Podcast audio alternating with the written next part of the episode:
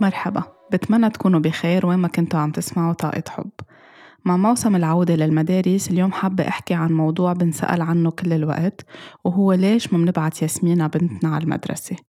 وليش نحن مع فكرة الأنسكولينج أو تعليم الولد على وتيرته الخاصة وعلى وقته؟ كيف هو جاهز إنه يكون عم يتعلم وعم يكتسب الأشياء اللي بحاجة لها ليكون عم ينمى صح بالحياة يمكن أنا ذكرت أكثر من مرة بكتير من الحلقات إنه ياسمينة ما بتروح على المدرسة ولا مرة راحت على المدرسة. واليوم رح كون عم بحكي أكتر بالتفصيل. ليش نحن أخدين هيدا القرار؟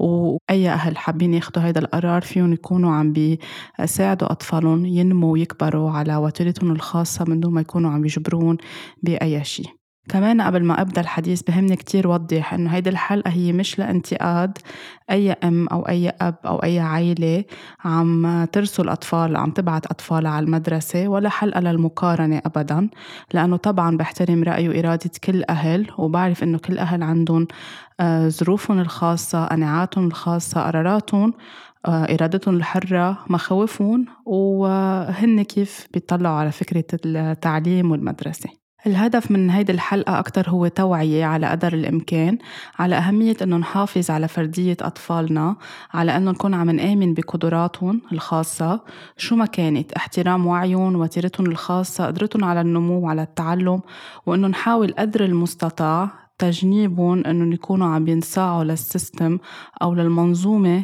اللي بتخلي الولد بتحوله أوقات لرقم بتخليه ينسى قدراته الداخلية بتصنفه بتقارنه كل الوقت مع غيره وبتخليه ينسى مين هو بهيدي الدنيا وشو إجا يعمل بهيدي الدنيا.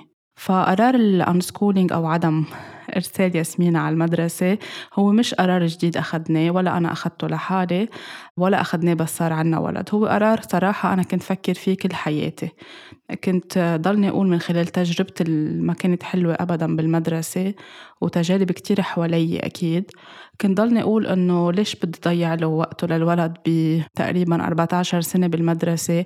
عم يوعى كل يوم بكير عم بيروح ينحط تحت stress عم بعيش بس للعلامة ليكون عم بينجح ليرضي عم بيحفظ أشياء رح ينساها قصص صارت outdated بعدها عم تتعلم. فكنت حس إنه ليش ما بنلحق ميوله للولد؟ إذا مثلا هو بحب أو هي بتحب الموسيقى رياضة رسم أي شيء آه، موهبة عندها إياها أي حتى كان آه، شيء خاصه بالمجال العلمي. لما بنكون عم ننمي هيدا الشيء أكتر عند الطفل؟ لما بنكون عم ناخده على محل يتعلم هيدا الشيء وشوي شوي هو أو هي بشقوا طريقهم بالحياة. والولد بالنسبة لإلي إنه بالحياة قادر يتعلم كل شيء قادر يكتسب كل شيء شوي شوي على وقته هو عم يكبر. ما في شيء اسمه عجلة ما في شيء إنه هلأ لازم يصير يعرف هيك وهلأ لازم تكون عم تحفظ هيك وعم تعمل هيك. هيدي الطريقة آه، بينت كتير من الدراسات وبينت كتير من الإثباتات حوالينا إنه ما بتمشي مع الأولاد وهي بالعكس عم بتخلي الأولاد يعيشوا كل الوقت تحت stress تحت ضغط وعم تسلبهم سعادتهم.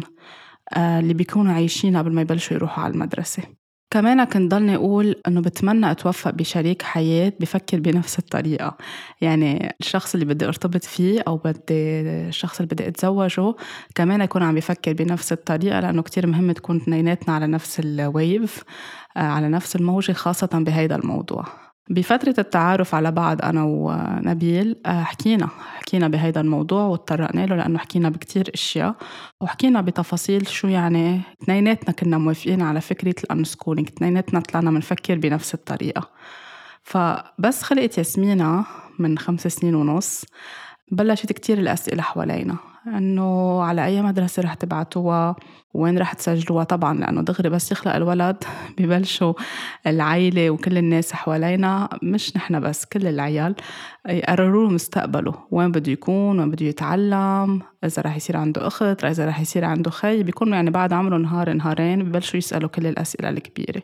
نحن كان جوابنا على طول إنه ياسمينة ما رح تروح على المدرسة وكانوا يفكرونا إنه نحن عم نمزح. إنه لأنه بعدها صغيرة.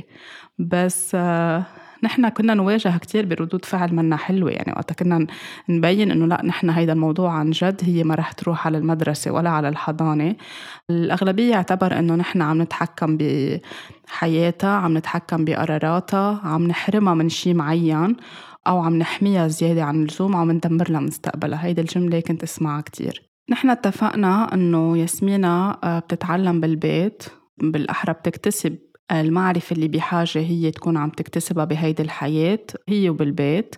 آه، بتروح على الأماكن اللي بتشبه أفكارنا وقيمنا وتوجهاتنا لتكون عم تكبر وتنمى على وتيرتها الخاصة من دون ما يكون في حدا عم بيحدد لها نجاحها كيف لازم يكون وبشو لازم يكون مرتبط. يعني بسرعتها على الكتابة والقراءة درجاتها أو علاماتها بالصف أو بالمدرسة مقارنتها بالغير كل الوقت. تصنيفها إذا شاطرة أو مش شاطرة وأنا يعني عندي آه، تعريف الخاص لكلمة شاطرة وتحفظي على إنه هيدي الكلمة ما لازم نكون عم نستعملها حتى باللي بيروحوا على المدرسة إنه فلان أشطر من فلان أو فلانة شاطرة فلانة منا شاطرة. أنا بالنسبة لإلي كل الأولاد شاطرين كل الأولاد مميزين كل ولد جاي على هيدي الدنيا ليعمل شي معين ليعلمنا شي معين ليضيف شي على هيدي الدنيا. وكل ولد عنده دعوته الخاصة وعنده مواهبه الخاصة وعنده قيمته الذاتية الخاصة. فنحن ما فينا نقول فلان أشطر من فلان بس لأنه درجاتهم بالامتحانات منا متماثلة منا مثل بعضها أو منا حسب ما المدرسة بتقرر شو معيار النجاح. أو إذا شاطرين بمادة بمادة تانية منن عم يبرعوا فيها لأنه بكل بساطة هن مش مش هيدي دعوتهم بالحياة وما عندهم اهتمام بهيدا الموضوع. أو اللي عم بيعلمهم إياها لهيدي المادة ما عم بيعرف كيف يكون عم بيصيغها بطريقة بترغب الولد. يمكن عم بيرعبهم يمكن عم بينفرهم يمكن عم بيخوفهم. فكمان ستريس الوعي بكير. ضغط إنها تكون عم توعى كتير بكير. عنا بلبنان ستة ونص بده يكون الولد إذا عم بيروح بالباص أو بال مش أهله عم بيوصلوه على المدرسة. بده يكون تقريبا ستة ونص جاهز. أنا وصغيرة مثلا كنت بتذكر إنه ستة إلا ربع بدنا ننطر الباص على الطريق. عمري ثلاث سنين. بالشتاء بالصيف غير إنه كنت أشعر بأشياء كتير تعمل لي دوخة وتعمل لي العيان نفس بالباص. فكل هولي كرمال روح أتعلم لون أو الشيبس أو ما بعرف يعني القصص اللي بيتعلموها الاولاد أول سنتين بالمدرسة. فأنا بالنسبة لي هيدا الموضوع صراحة ما بيحرز إنه نحط الولد تحت هالقد ضغط. حتى الكبار اللي بالصفوف الأكبر حتى المراهقين المفروض إنها تكون المدرسة. أنا بمعياري برأيي إنها تكون عم بتبلش مش ساعة سبعة ولا الساعة ثمانية ليه ما بتبلش على العشرة؟ في كتير آه، آه، بلدان آه، بأوروبا بأمريكا ببلشوا مأخرين لأنه بياخدوا بعين الاعتبار قد جهوزية الولد إنه يكون عم بيوعى نشيط مرتاح عم بياخد وقته ليكون عم بياخد فطوره مش ركض بركض بسرعة وإذا كانت الأم عندها أكتر من ولد أو إذا كانوا هن بيوصلون على المدرسة قبل شغلهم بدهم يفلوا دركبة على المدرسة فوق بعضهم وهيدا اللي بعد ما تروق وهيدا اللي عم يلبس التياب وهو نازل على الطريق. فكل هولي وستريس بيصيروا على الأهل وزحمة السير. فكل هول ليش بده يكونوا عم بتنضغط العيلة كلها فيها؟ ليه ما بتكون عم بتبلش المدرسة بوقت الكل يكون مرتاح؟ ودماغه للولد يكون صار جاهز يبدأ نهاره. مش بناخده بنبلشه المدرسة على سبعة سبعة ونص بخلص الساعة ثلاثة كل الوقت محصور. عنده يمكن شي تلت ساعة أو نص ساعة break ومادة ورا مادة وغالبا ما فيها آه، مرح ما فيها فن ما فيها جو حلو. كل الوقت بده يحفظ وبده يكون ملتزم وما في يحكي وبده يسكت بالصف. فكل هولي هن stress على الولد بكل صراحة. غير stress الوعي بكير في stress الامتحانات في stress الحفظ كل الوقت. آه، كتب وجداول ومعلومات آه، منها مفيدة منها عن جد صارت outdated. أنا اليوم إذا بتذكر آه، في كتير أشياء ما بقى فايقت من اللي تعلمتها واللي ألزمت إني أحفظها. غير كمان غسل دماغ الطفل بأفكار أوقات فيها تكون غير صحية بس ليكون عم بيكون مقبول ضمن المنظومة أو يكون fitting in the system اللي هو مركب بطريقة أنه الولد لازم يكون عم بيعمل واحد اثنين ثلاثة ليكون هو مقبول اجتماعيا وتربويا وداخل ضمن المنظومة وهيك بينجح بالحياة. فهيدي الطريقة بتخلي الولد ينسى مين هو ينسى حكمته الداخلية يبلش ينسى أنه هو عنده صوت داخلي بيقدر يعبر عن حاله لأن غالبا بالمدرسة الأولاد ما بينسمح لهم يعبروا عن حالهم. ورح أحكي أكتر بعد شوي عن هالموضوع. بيضطروا أوقات إنه يكونوا عم بيطيعوا من دون ما يكون عندهم حق يسألوا. يعني without questioning. ليه نحن بدنا نعمل هيك؟ ليه بدنا نحفظ هيك؟ ليه هيدي الشغلة عم ندرسها بهي الطريقة؟ يسألوا أسئلة اللي بهن عبالهم يسألوها وقت يكونوا عم يتعلموا فكرة معينة. ثلاث أرباع الوقت هيدي منا مسموحة. بيتعلموا يصدقوا بلا ما يكونوا عم بيسألوا. انه خلص الأستاذ قال هيك أو المدرسة قالت هيك فنحن لازم نصدق لأنه هن مثل ما قال الحكيم أو الطبيب بيقلنا هيك خلص نحن بنصدق من دون ما نروح نرجع نقرأ أكثر نشوف جسمنا شو بده جسمنا كيف يكون كمان هو عم بيساعد ليشفى. فبنعتبر إنه هول المرجعيات هي اللي بتقلنا الأشياء الصح بالحياة وهيدا الشيء هو اللي بيخلي الطفل يصير عم بيكبر كل الوقت عم بيميل إنه يكون عنده عدم القدرة على أنه يسأل. بالحياة أو يطرح علامة استفهام. كل وقت بده يقبل وبده يصدق شو كل شي خاصه بمرجعيات تربوية إعلامية آه، طبية. عم بتقله كل الوقت. هو خلص بيصدق لأنه هيك تعود وهيك تربى وهيك كبر. كمان في شغلة بالمدرسة غالبا ما بولد بيحطوا له رقم. يعني رقم واحد اثنين ثلاثة لتشوف المعلمة أو الأستاذ كم ولد عندهم بالمدرسة. وأوقات بعيطوا لهم بالرقم أوقات بعيطوا لهم باسم عائلتهم. يعني هيك كمان عم تسلب الولد فرديته. يعني رقم أربعة قوم طلع على اللوح.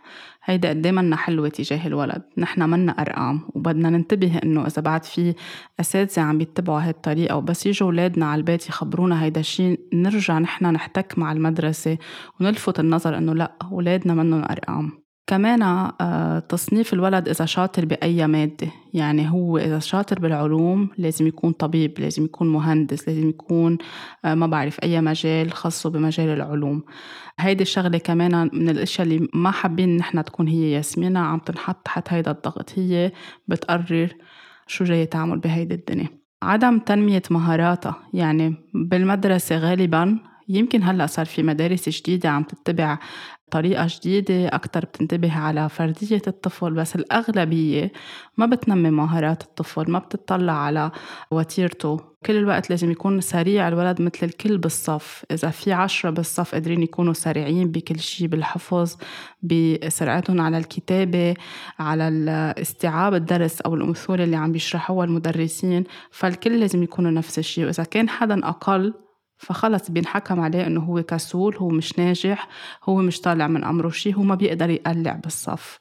فهي كمان بتحسس الولد بالريجكشن إنه هو مرفوض هو آه، منه كفوء. وبيرجع على المدرسة على البيت إذا الأهل خبروهم بالمدرسة هيدا الشيء بيصيروا الأهل بيعيشوا تحت ضغط وبيرجعوا بيحطوا ضغط على الأولاد.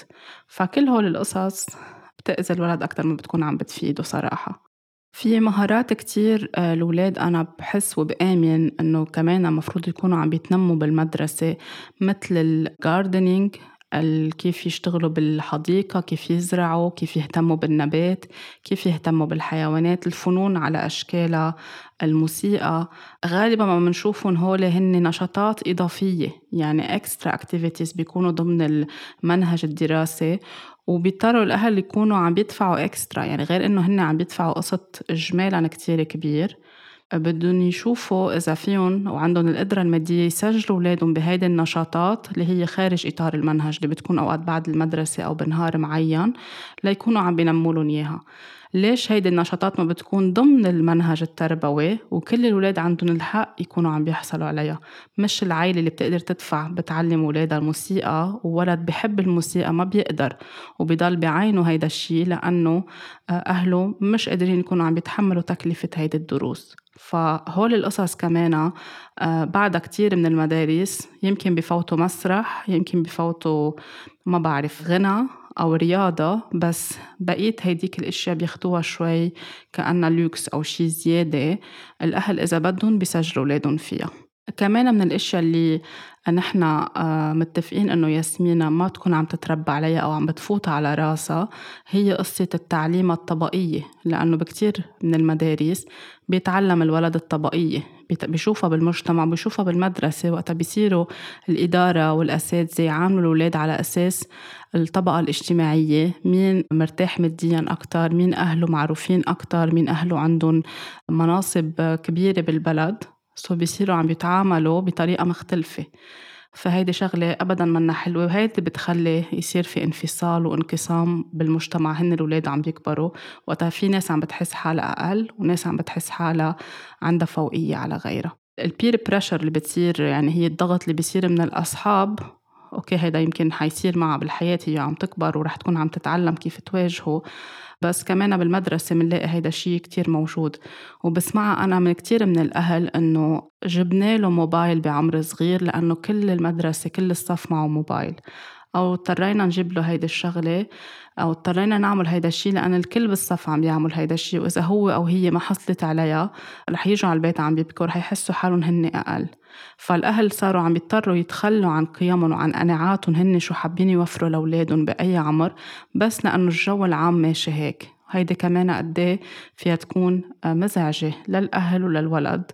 ما يكون عندهم هن فرديتهم الخاصة وهن بيقرروا شو بيجيبوا وشو بيحبوا بغض النظر كيف الكل عم بيفكر كمان بهمنا أنه تكون عم تتعلم عن الحياة الجنسية بطريقة صحيحة. وعن التربية الجنسية بطريقة صحيحة لأنه إجمالا في كتير من الأهل بيتكلوا على المدرسة إنه تعلم الأولاد هيدا الشيء والمدرسة بتذكر هيدا الموضوع بكم قسم أو تشابتر بالساينس بعمر معين. وبعدين الأولاد بيصيروا قاعدين مع بعضهم عم بيتوشوشوا عم بيحكوا لأنه كل وقت عم نقدم هيدا الموضوع للأولاد لأنه كأنه شيء تابو كأنه شيء عيب كأنه شيء محرم نحكي فيه. وبعدين بيصيروا الأولاد عم بيروحوا ينبشوا بمصادر منا موثوقة ومصادر عم بتكون عم تأذيهم. وبال peer pressure اللي عم بيصير مؤخرا عم بيضطروا أوقات الأولاد عمر كتير صغير يكون عندهم تجارب جنسية بس لأنه بال group المراهقين في حدا جرب هيدا الشيء أو عشرة بال group جربوا في بنت أو في صبي ما جربوا هيدا الشيء بيصيروا هن منبوذين وبينحط عليهم ضغط. وهيدا موضوع كتير سمعته بالفترة اللي قبل ما يصير في lockdown قبل ما يصير في كوفيد من كتير من الأهالي كان عندهم concern بهيدا الموضوع.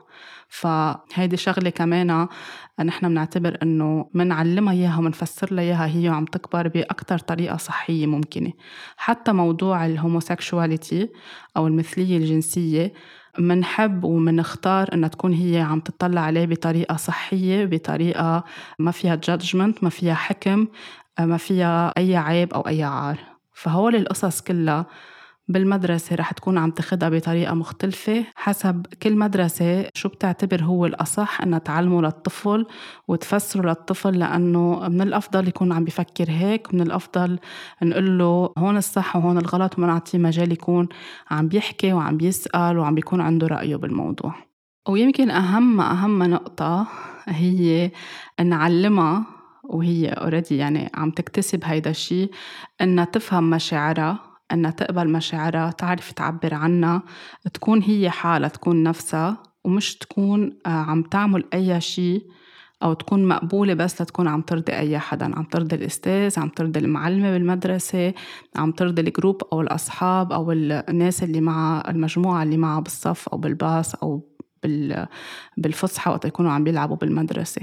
سو so, اليوم من خلال أنا اللي قطعت فيه بالحياة ومن خلال اللي بشوفه بشغلي يوميا. أغلبية الأشخاص مجمل معاناتهم ومجمل معاناتنا جميعا إنه ما تعلمنا نحن وصغار كيف نعبر عن عواطفنا وكيف نكون عم نحكي بالأشياء وعم نعبر عن رأينا. فكل الوقت تعلمنا إنه نكبت عواطفنا لإنه عيب نبكي عيب نسأل عيب نقول نحن شو عم نحس. كل الوقت هيدا الشيء مكبوت فينا وبيبين على كبر بكتير تحديات وبكتير مشاكل بتأثر على حياتنا على علاقتنا على تربيتنا من جديد نحن لأولادنا. فهيدي شغلة كمان يمكن صار في مناهج بتعلم الأولاد شو يعني الإيموشنز إنه هون بنغضب شو يعني angry شو يعني anxious شو يعني شخص عنده قلق شخص بخاف شخص بيغضب شو يعني السعادة. بس كمان هل هيدا الشيء عم بيتطبق كل الوقت إنه نسمح له للولد يعبر عن حاله؟ إذا بكي من نعطيه مجال يبكي أو بنقول له لا ما تبكي. أو عيب أنت صبي ما لازم تبكي أو شاطرين ما بيبكوا. هل هيدا الشيء فعلا عم يطبق بكل المدارس؟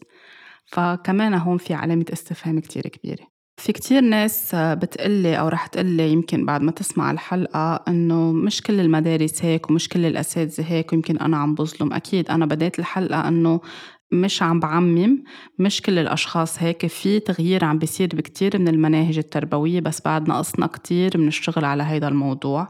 في كتير أساتذة عم بيحاولوا قد ما فيهم وفي أساتذة ملزمين بالمنهج. يعني في كتاب لازم يتخلص في بروجرام لازم يتخلص بهالتسعة أشهر اللي بيروح فيها الولد على المدرسة. فالأستاذ ما معه وقت يسمع لكل تلميذ. أوقات عنده 25 ولد بالصف أوقات عنده 40 ولد بالصف وهذا شيء كمان منه صحي هو لحاله أو هي لحالها المدرسة.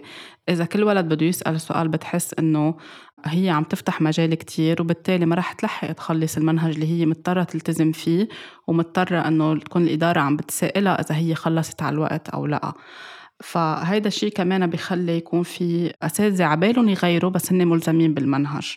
وفي كمان الأساتذة اللي صراحة ما قالوا جلادة. يعني تعودوا لهم 30 40 سنة عم بيعلموا بهيدي الطريقة وارتاحوا لهيدي الطريقة. يمكن صار في ورشات عمل لإلهم أو تغيير بسيط. بس بيلاقوا إنه خلص ما زال علمنا كل الأجيال بهيدي الطريقة ليه نحن بدنا نغير. هي كل الأجيال كانت منيحة وتربت ونجحت والحياة ماشية والمجتمع ناجح. بس كلنا بنعرف إنه هذا الشيء منه صحيح مية بالمية. في كتير نواقص في كتير عيوب بالمنهج التربوي وفي كتير ناس عانت وبعدها بتعاني لهلأ نتيجة كتير أشياء تعرضت لها بالمدرسة وهي عم تتعلم بالصف. فالأستاذ أو المدرس اللي بده يروحوا على المدرسة لازم يكونوا أشخاص عن جد عندهم باشن وبيحبوا شغلهم بحبوا اللي عم بيعملوه. يمكن عندهم ضغوطات إنه هن كمان عندهم أولاد وعندهم مسؤوليات يمكن عم بيعملوا عم بيختاروا يكونوا عم يشتغلوا هيدي المهنة لأنه هيدي المهنة بركي فيها محفزات أو فيها ضمانات اجتماعية معينة أو مادية معينة. فإنه يلا بتذكر أنا وصغيرة كانوا يقولوا لكل حدا إنه يلا اعملي معلمة مدرسة بتعلمي بس تسعة أشهر بترتاحي بالصيفية نص نهار بيطلع لك امتيازات بتعلمي أولادك بالمدرسة ببلاش.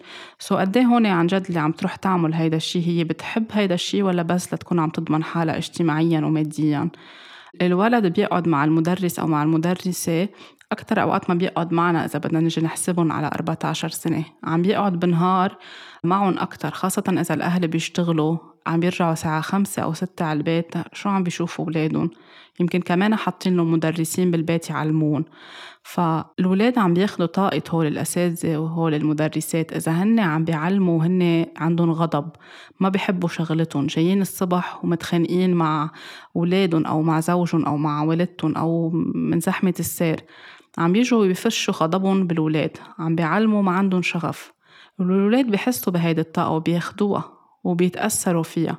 من هيك بس يرجعوا على البيت أوقات هن بيعملوا tantrum أو بيصرخوا أو بيعيطوا أو بيوم شيء إنه بيطلعوا من المدرسة بنحس كأنه يعني ببلشوا صريخ وحماس وركض ونطنطة وفزفزة مثل كأنه كانوا بسجن ومأسورين كل الوقت. فكتير مهم ننتبه مين عم بيعلم ولادنا؟ حتى إذا قررنا يكون في عم نعلم ولادنا بالبيت أو عم نجيب لهم أساتذة على البيت يعلمون نختار مين هول الأشخاص؟ وقد إيه بيكونوا بيبتسموا؟ وقد إيه بيكونوا رايقين؟ وقد إيه بيكونوا عم يعملوا هيدا الشيء من كل قلبهم؟ نحن بناخد من بعضنا طاقات وما بدنا أولادنا يكونوا كمان عم يتأثروا بطاقة الشخص اللي عم بيجي يعلمهم بس ليكون عم بيطلع مصاري.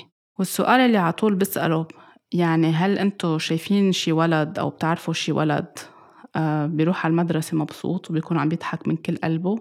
يمكن إذا ممكن أول سنتين بنص السنة بس يكون عم بيتسلى وعم بيلعب. بس الكبار هل عم بيكونوا عن جد مبسوطين. أغلبية الأولاد بتقول بطني عم بيوجعني بس تقول بطني عم يوجعني الصبح أو من عشية يعني هي ما بدها تروح على المدرسة. هي عندها قلق عندها انكزايتي بعمر ثلاث سنين بنفصله للولد عن أمه. وقت اللي بعده مش جاهز يروح على المدرسة بهيدي السرعة وبهيدي الوتيرة. بعد بحاجة يكون حد أمه بعد بحاجة ياخد كتير أشياء من البيت. منبلش نهاره مثل ما قلت من بكير كتير. منفرض عليه يقرأ ويكتب ويعمل حساب ويعمل رياضة. كله ورا بعض ورا بعض من دون ما يكون عم بياخد نفس. بوقت اللي الولد فعليا منه جاهز يبلش يقرأ ويكتب قبل ما عمر الستة لسبع سنين أو حتى ثمان سنين. يعني حتى في دراسات بتقول بس يبلشوا ينزلوا سنان الحليب أو يبلش الولد يفقد سنانه ليرجع يطلع له سنان جديد. هون بيكون بلش جاهز يكون يقرأ ويكتب.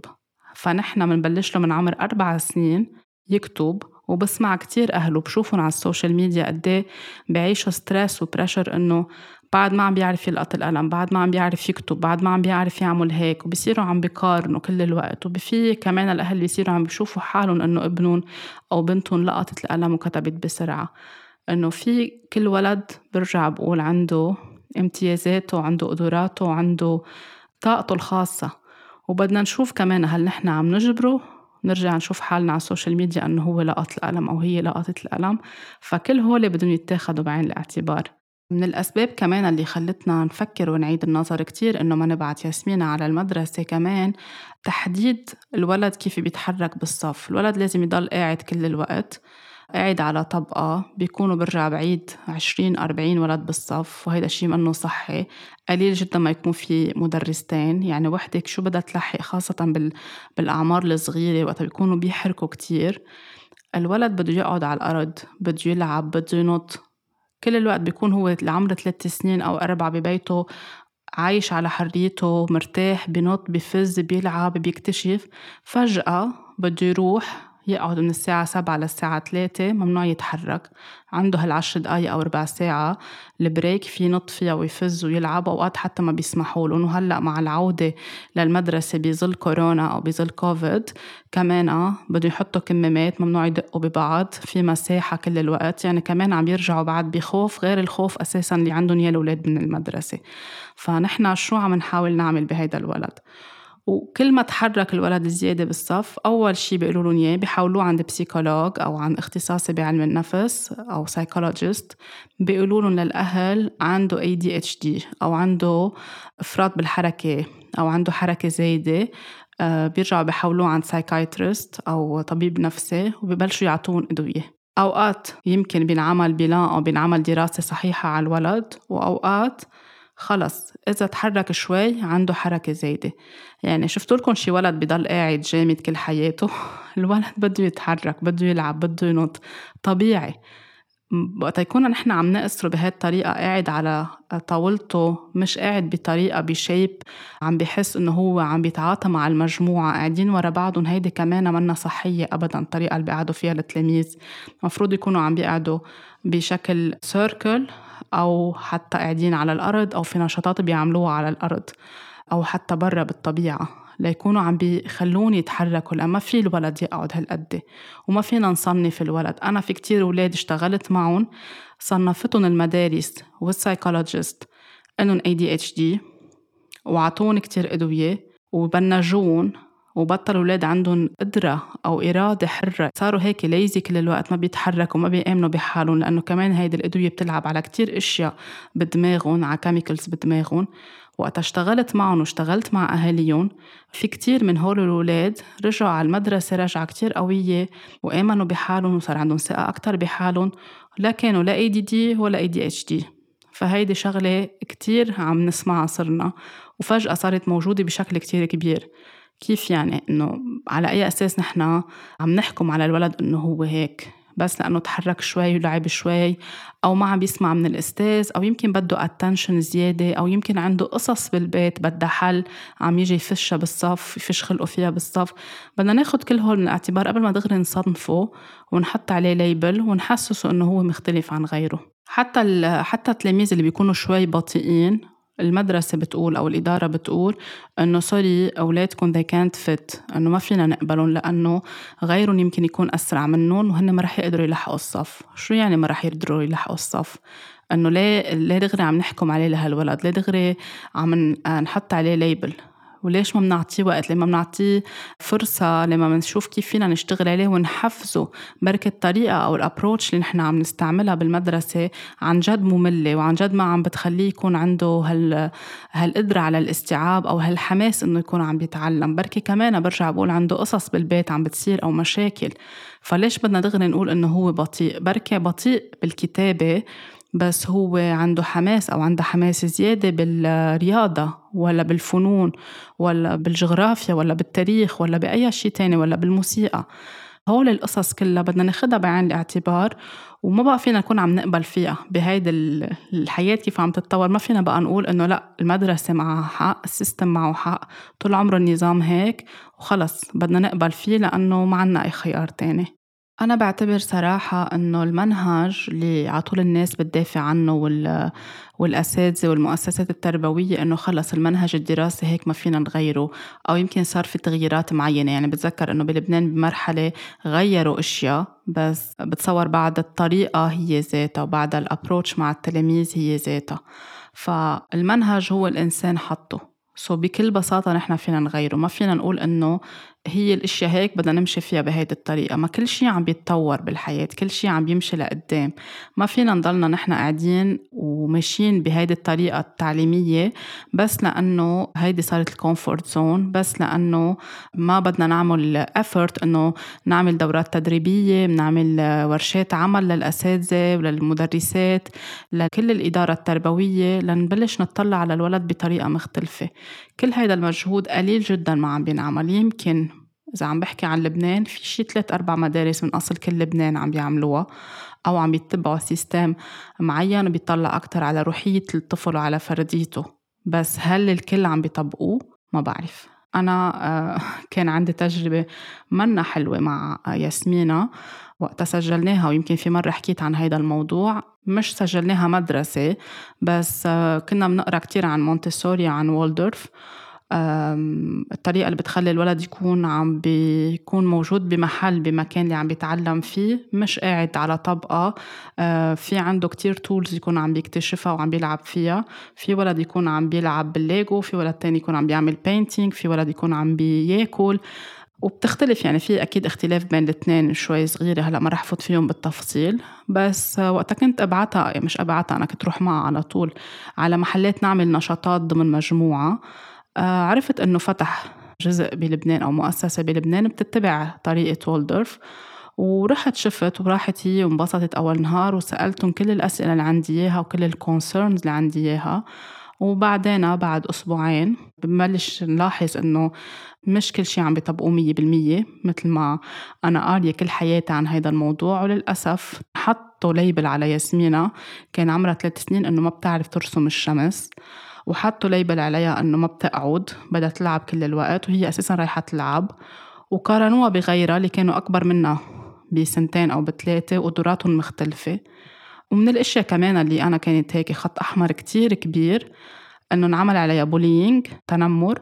والمعلمة قالت لها ممنوع تبكي وأنا كنت موجودة يعني وسمعت هيدا الشيء ونحن كل الوقت بنعطيها راحتها لياسمين أنها تعبر وتكون عم تبكي وقتها تكون بحاجة إنها تبكي. فللأسف أنه كمان إذا كان في مؤسسات عم تفتح تحت عناوين كتير كبيرة كمان بدنا نشوف ويكون عنا هيك انتباه كأهل نسأل كل الأسئلة نراقب نشوف ولادنا نروح معهم كم نهار ونشوف إذا كل شيء عم بيطبق عن جد مثل ما هو system وولدورف ولا مونتسوري ولا غيره. لأنه اللي طلعوا بهول ال two schools هن اشتغلوا كتير وعملوا كتب كتير وعن جد احترموا روحية الطفل وفرديته. بس إذا بدنا نرجع نطبق هيدا الشيء ضمن منظومة على الطريقة اللبنانية وإنه خلص مثل ما بيتوقعوا من الولد يكون عم بيتعلم فنحن بعدنا محلنا. أكيد برجع بقول مش الكل هيك بس نحن كان عنا تجربة منا حلوة. وهي خلتني دغري أنا أسحبها لياسمينة من هيدا المحل. ويكون أكيد في آه، مساءلة عن هيدا الشيء بس كمان وقتها رفضوا يعترفوا بخطأهم وحملونا نحن المسؤولية. فأكيد ما بقى عندي آه، لا أنا ولا زوجي أي ثقة نكون عم نرجع نسجلها بهيدا المحل حتى لو غيروها للمدرسة أو حتى لو عندهم صار أبروتش تانية. الطريقة اللي تعاملوا فيها معنا كانت unprofessional وكيف قيموها للبنت؟ عمرها ثلاث سنين كمان كانت unprofessional. فكل هولي بيخلونا كمان نحن نعيد النظر وين هي فيها تكون عم تتعلم وين فيها تكون عم تروح تكسب خبرات جديدة أو قدرات مش خبرات بعدها كتير صغيرة لتكون هي عم تتعلم اللي جاهزة تكون عم تتعلمه بالحياة.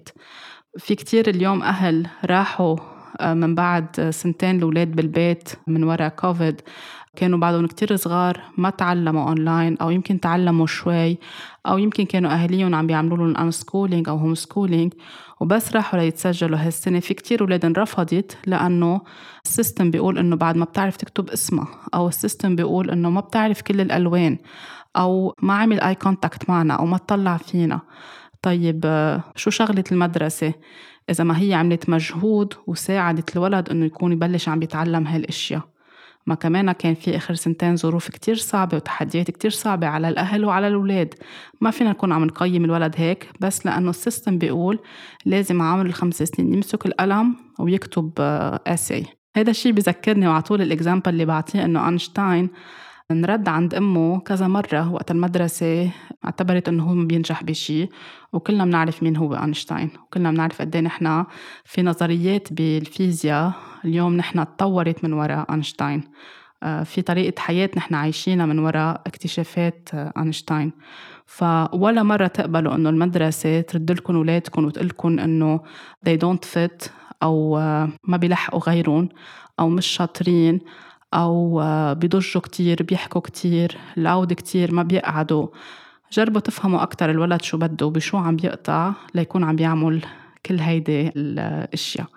فكرمال كل هيدي الأسباب ولما نكون نحن عم نفوتها لياسمينة بكل هال الأشياء اللي منا حلوة أخذنا قرار إنه هي ما بتروح على المدرسة. تتعلم بكل الطرق اللي هي جاهزة تكون عم تتعلم فيها. وقت اللي بدها على العمر اللي هي جاهزة فيه. وعلى 600 راحتها للأشخاص اللي بيقولوا لي بالنسبة لل social life أو هي قدرتها على الاختلاط مع الآخرين وكيف فيها تكتسب ال skills أو المهارات الاجتماعية رح أحكي بكل هول القصص بالحلقة اللي جاية. رح أخبركم هي كيف بهول خمس سنين ونص كانت عم تتعرف على كل شيء بالحياة وكيف كانت عم تكتسب مهارات معينة. ورح تكون كمان فيها نصايح للي حابب يعتمد هيدي الطريقة أو يلي حابب يخلق توازن بين المدرسة وبين إنه هو يرجع بالبيت يخلي الولد يكون عم بعيش على وتيرته الخاصة وعلى نمطه الخاص. إن شاء الله تكون هيدي الحلقة هيك عطتكم التفاتة. لا ترجعوا أكتر إذا كنتوا أهل أو عندكم أولاد بالعيلة أو أساتذة. كيف نرجع نعيد النظر بموضوع التربية وتعليم الأولاد؟ وأهم شيء نحافظ له على فرديته للولد. شو ما كانت الطريقة؟ بالمدرسة بالبيت بالحضانة بالطبيعة بالغابة على النهر على البحر على طول نحترم له فرديته للولد ونعتبر إنه هو مميز من الداخل. طاقة حب مني كتير كبيرة لكل الأطفال ولكل المراهقين ولكل حدا اليوم راجع على المدرسة إن شاء الله بتكون رجعة مباركة وللي حابب يترك ولاده بالبيت. الحلقة الجاية رح تعطيكم نصايح أكتر وأكتر. لاقوني الأسبوع اللي جاي بحلقة جديدة.